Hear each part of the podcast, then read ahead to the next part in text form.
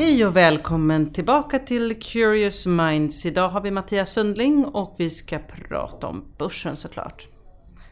Året har gått mot sitt slut och hur vill du summera börsåret 2017? Ett bra år! Mm, härligt, eller hur? Börserna har gått upp nästan överallt. Ja, så att det finns anledning att vara lite småglad inför jul här då? Absolut, det tycker jag man, har man varit eh, investerad i aktier så, så, så har man haft ett bra år. Men sen finns det ju, det har ju funnits eh, fällor att trilla i men det kommer vi tillbaks till. Men vilka har de varit de stora överraskningarna 2017? Ja, att... Man, på, tänker du på börsen eller totalt? Nej, jag tänkte på börsen framförallt. Ja, Först får man väl ändå konstatera då att det har varit ett bra tillväxtår. Så om man tittar på alla BNP-prognoser så har de ju faktiskt analytikerna tvingats revidera upp sina BNP-prognoser. Och så har det varit ett bra vinstår och det gör det till ett väldigt speciellt år. Eh, det har inte varit så här jättestora uppskrivningar av vinstprognoserna men det har inte heller varit några stora nedskrivningar av vinstprognoserna. Det är egentligen det som är det väsentliga för det är det som det har varit tidigare år. Så jämfört med eh, 16 så blir det här ett år. Nu vet vi, vi har inte fått Q, fjärde kvartalet ännu men, men det här kommer att bli ett bra år där vi har liksom tvåsiffrig vinsttillväxt i nordiska bolag. Och det är det första riktigt starka vinståret på hela den här återhämtningen nästan. Sen 2008? Ja. Mm. Om vi tittar på vinnaraktierna, vilka har de varit?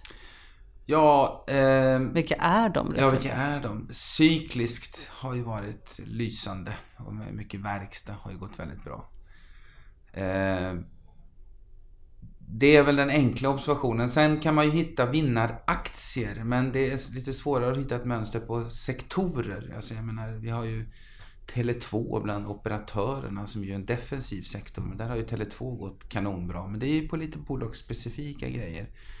Det borde vara jättebra förutsättningar för konsumentrelaterade cykliska branscher men det har ju på nordisk basis liksom pressats. Det har, det har ju den sektorn dödats utav H&M som har sina lite bolagsspecifika problem får väl ändå säga. Men även Pandora har ju gått i Norden har ju haft jättejobbigt. Så, så, så på de övriga är det svårt att göra så här tydliga sektorobservationer utan där är det ju mer från bolag till bolag. Och det har du ju sagt tidigare att det gäller att plocka russinen ja, ur kakan ja, mer. Ja, när man exakt. Eh, satsar på aktier. Bland förlorarna finner vi folkaktier som H&M och Ericsson som har haft en väldigt kämpig höst. Mm. Hur ser utsikterna ut nu inför helårsrapporten och framförallt 2018? Ja, det ser nog ganska jobbigt ut för båda två. Eh, de befinner sig ju Ericsson kan man ju ha frågetecken kring hur bolaget har skötts och hur, hur snabbt man agerar i omställningen. Kostnadsnedskärningarna, definitionen av affärsområdena samtidigt som man är på en marknad som inte växer speciellt mycket eller till och med krymper. Så de, det kommer ju vara fortsatt kämpigt. H&M eh, hade vi en diskussion om. Jag karaktäriserade det lite grann som om man står, det är liksom tre isflak på varann. Man står först och gungar på ett isflak som är att hela Eh, detaljhandeln håller på att gradvis flytta över till online. Det är ju en grej. Den andra isflaket som vilar ovanpå det första då, om man kan göra den liknelsen. Det är ju att vi är osäkra på hur bra H&M's online-erbjudande är om de har investerat klart och om, det, om, de, om de har en bra setup där. Och sen det tredje isflaket, det är väl också, det pratar vi inte så mycket om nu, men det är ju liksom H&M's kollektion. Även om de har koll på marknaden och även om de har ett bra online-erbjudande, har de grejer som folk vill köpa. Det har vi inte snackat så mycket om. Men det, var, det pratade man mycket om för 15 år sedan, deras kollektionsmissar och sådär. Men så, det är ju också ett frågetecken.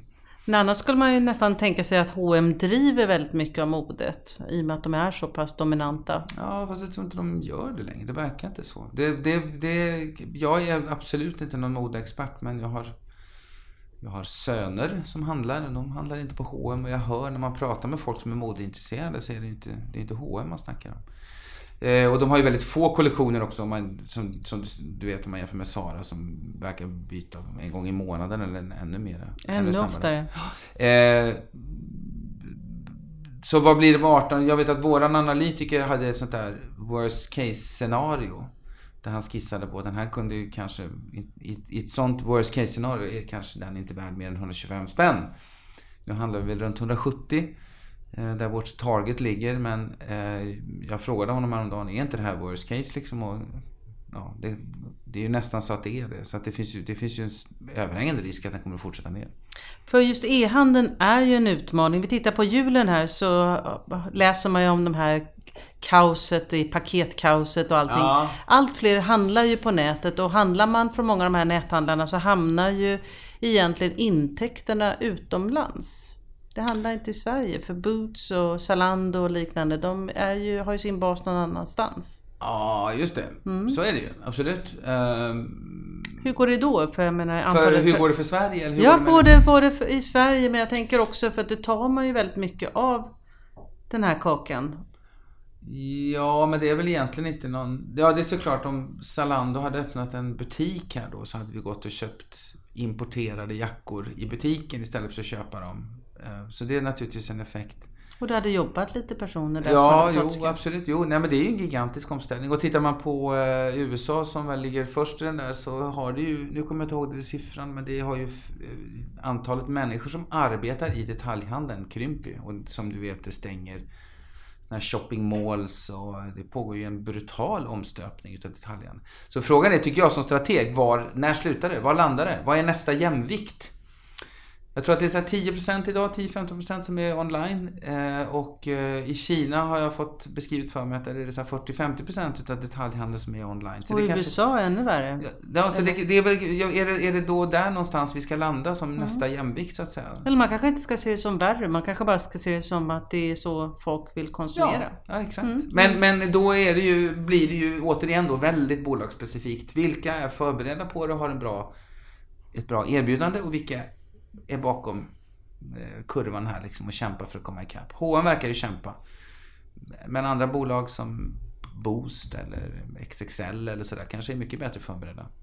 Men igår så kom det ju nya siffror och tillväxtförväntningarna. Mm. Jag ska, får jag säga en sak till bara om det vi pratade om förut ja. också? Det, går, det, är ett envist rykte 2017, men det är väl inte bekräftat ännu. Det är ju att Amazon är på väg hit.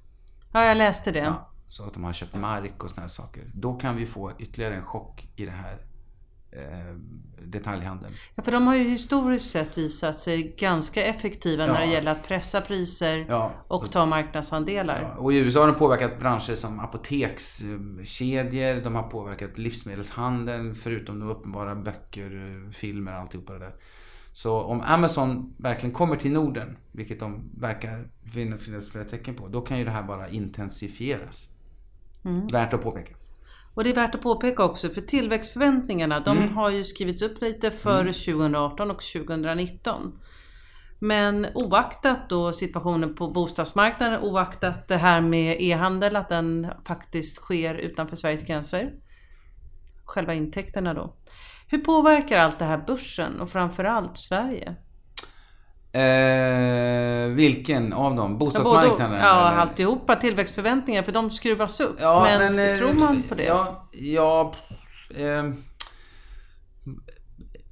det, det är så, det, det, det, har ju varit en tydlig avkylning då utav bostadsmarknaden i Sverige och eh, där har det ju då spekulerats vilt eh, vad det har för implikationer. Jag tror att vad marknaden säger och vad de där prognoserna säger är väl att de, det, vi är inte på väg in i ett tidigt 90-talsscenario. Alltså det är inte, vi är inte på väg in i någon slags depressionsliknande eller recessionsliknande scenario på grund av att bostadsmarknaden kyls av. När det gäller det, det, de som är mest exponerade mot bostadsmarknaden, där har det ju redan skett, och det har det ju hållit på länge, en kraftig uppgång av riskpremien. Och vi pratar om vilka som vunnit och förlorat. Jag menar bostadsutvecklare, det är ju ett en tydlig, det är ju en liten men tydlig eh, förlorarsektor på börsen i år. Oscar Properties eller vad det nu är för något bolag vi snackar om. Byggbolag har ju också gått svagt. Det är också, och de är ju också länkade till det. Då har vi JM och NCC och Peab och sådär. Eh, de har ju också laggat börsen liksom. Eh, och sen har vi bank. Bank har också gått dåligt, eller har gått sådär, halvjummet i år. Och bank är ju också en ganska tydlig nära koppling till hur bostadsmarknaden går med sin stora utlåning, bolån. Och slutligen så har ju kronan varit väldigt svag. Vi har ju faktiskt handlat, en euro har ju tidvis kostat över 10 spänn. Så marknaden har höjt riskpremien tydligt för de som är direkt eh, liksom drabbade utav eh, den här avkylningen på bostadsmarknaden. Men däremot så får man sen då konstatera, vilket de här prognoserna, nu, jag tror att det är de du tänker på igår från Finansdepartementet ger uttryck för. Det är ju andra saker som balanserar och dämpar. Till exempel då den svaga kronan, den eh, lyfter ju exportindustrin så får vi ett större tillväxtbidrag från nettoexporten. Eh, vi har ju, går ju in i ett år nästa år med en väldigt expansiv budget. Det är en riktig valfläskbudget och det fick de ju mycket kritik för. Men det kanske blir jättebra timing på den om det nu är så att vi hushåll eh, blir lite försiktigare för att eh, bostadsmarknaden eh, kyls av. Så får vi en massa eh, finanspolitisk expansion med olika typer av bidragshöjningar och skattesänkningar. Eller, så, så det är ju det kan ju visa sig vara väldigt väl tajmat. För, för, om vi tänker just på tillväxten och att då även Stefan Ingves valde att låta räntan ligga kvar. Ja, för, för, för just det. För att mm. det vi, vi pratar om här det är liksom vad har det för betydelse för börsen? Men det är ju mm. så att börsen det här är ju en liten öppen ekonomi med stora, många stora internationella bolag. Det är inte många som är speciellt beroende av svensk inhemsk efterfrågan. Så att om den här bostadsavkylningen bara liksom påverkar svensk inhemsk efterfrågan så har ju inte det någon större betydelse för SKF eller Volvo eller ja, Ericsson eller vilka vi nu pratar om. Så vi kan tack vare en god tillväxt och att eh, räntan förblir låg, förvänta oss ett bra börsår 2018? Jag tror det. Ja, mm. och, men den viktigaste drivkraften är att vi har en bra, vi är inne i en bra vinstcykel. Vi har vinsttillväxt och det har vi av flera olika skäl. Men vi har bra internationell konjunktur och vi har fortsatt låga räntor och så, ja. Om vi blickar ut lite, för det har ju varit eh, många beslut den senaste tiden. I USA var den här skattereformen som mm. röstades igenom. I natt ja. ja. Mm. Brexit går vidare till nivå 2. Mm. Och Tyskland, där ser den turbulenta situationen ut att lösa sig. Kan vi säga att vi slutar året i eh, positiv anda? Ja, det kan man väl säga i den meningen att... Jo, men det kan man väl säga. De här jag har inte, det vet ni att jag har inte varit så jätteorolig för de här politiska riskerna. Men om man har varit orolig för de politiska riskerna så kan man säga att man, man kan vara mindre orolig nu. För att det blir någon slags regering i Tyskland. Katalonien stannar nog kvar i Spanien. Brexit tröskar liksom på så man har klarat det första trappsteget och nu, precis som du sa, nu är man igång då och pratar med nästa handelsavtal ska se ut och sådär. Och Trump har fått igenom något. Eh, det har ju varit ett tema när du och jag pratat tidigare i år att han har ju faktiskt inte fått igenom någonting. Nu går vi in i 2018 med en rejäl finanspolitisk stimulans i form av en skattesänkning. Sen kan vi prata om att innehållet och hur det är upplagt, om vi tycker det är rätt eller fel. Men om vi struntar i det, bara konstatera, det är en, det är en stor finanspolitisk stimulansåtgärd. Och avslutningsvis, om vi tittar på 2018, vilka karameller ser du på börsen? Eh, du menar vad man tycker man ska köpa eller? Ja, lite sektor. Vad tror du kommer att bli spännande? Ja, vad tycker du? Jag, tycker, jag kan säga hur jag resonerar. Jag, jag tänker så här. Jag tycker nog att det är ganska givet att man ska ha aktier. Så att jag tycker man ska liksom, det som vi uttrycker att man ska vara överviktad i aktier inför 2018. Just för att vinsttillväxten är bra. Det är svårt att säga att räntor är något riktigt alternativ. Eh, och jag tror att konjunkturförloppet liksom rullar på. Det svåra är var man ska vara i aktier. Och det svåra är att generalisera om sektorer. Verkstad har ju gått väldigt bra. Den, enkla, den stora frågan som jag tror att de flesta sitter och sliter med. Ska man ha bank eller verkstad? Verkstad vann 2017. Då är det väl tid för bank. Mm. Och bank kan vara bra. Det är lågt värderat. Det är en jättefin direktavkastning. Eh, det är också en bra hedge. En bra, eh, ett bra skydd. Om det skulle vara så att räntorna går upp. Vilket ju någon gång ska väl det hända. Då kommer, det vinner ju bank på. Så det är en bra grej för bank.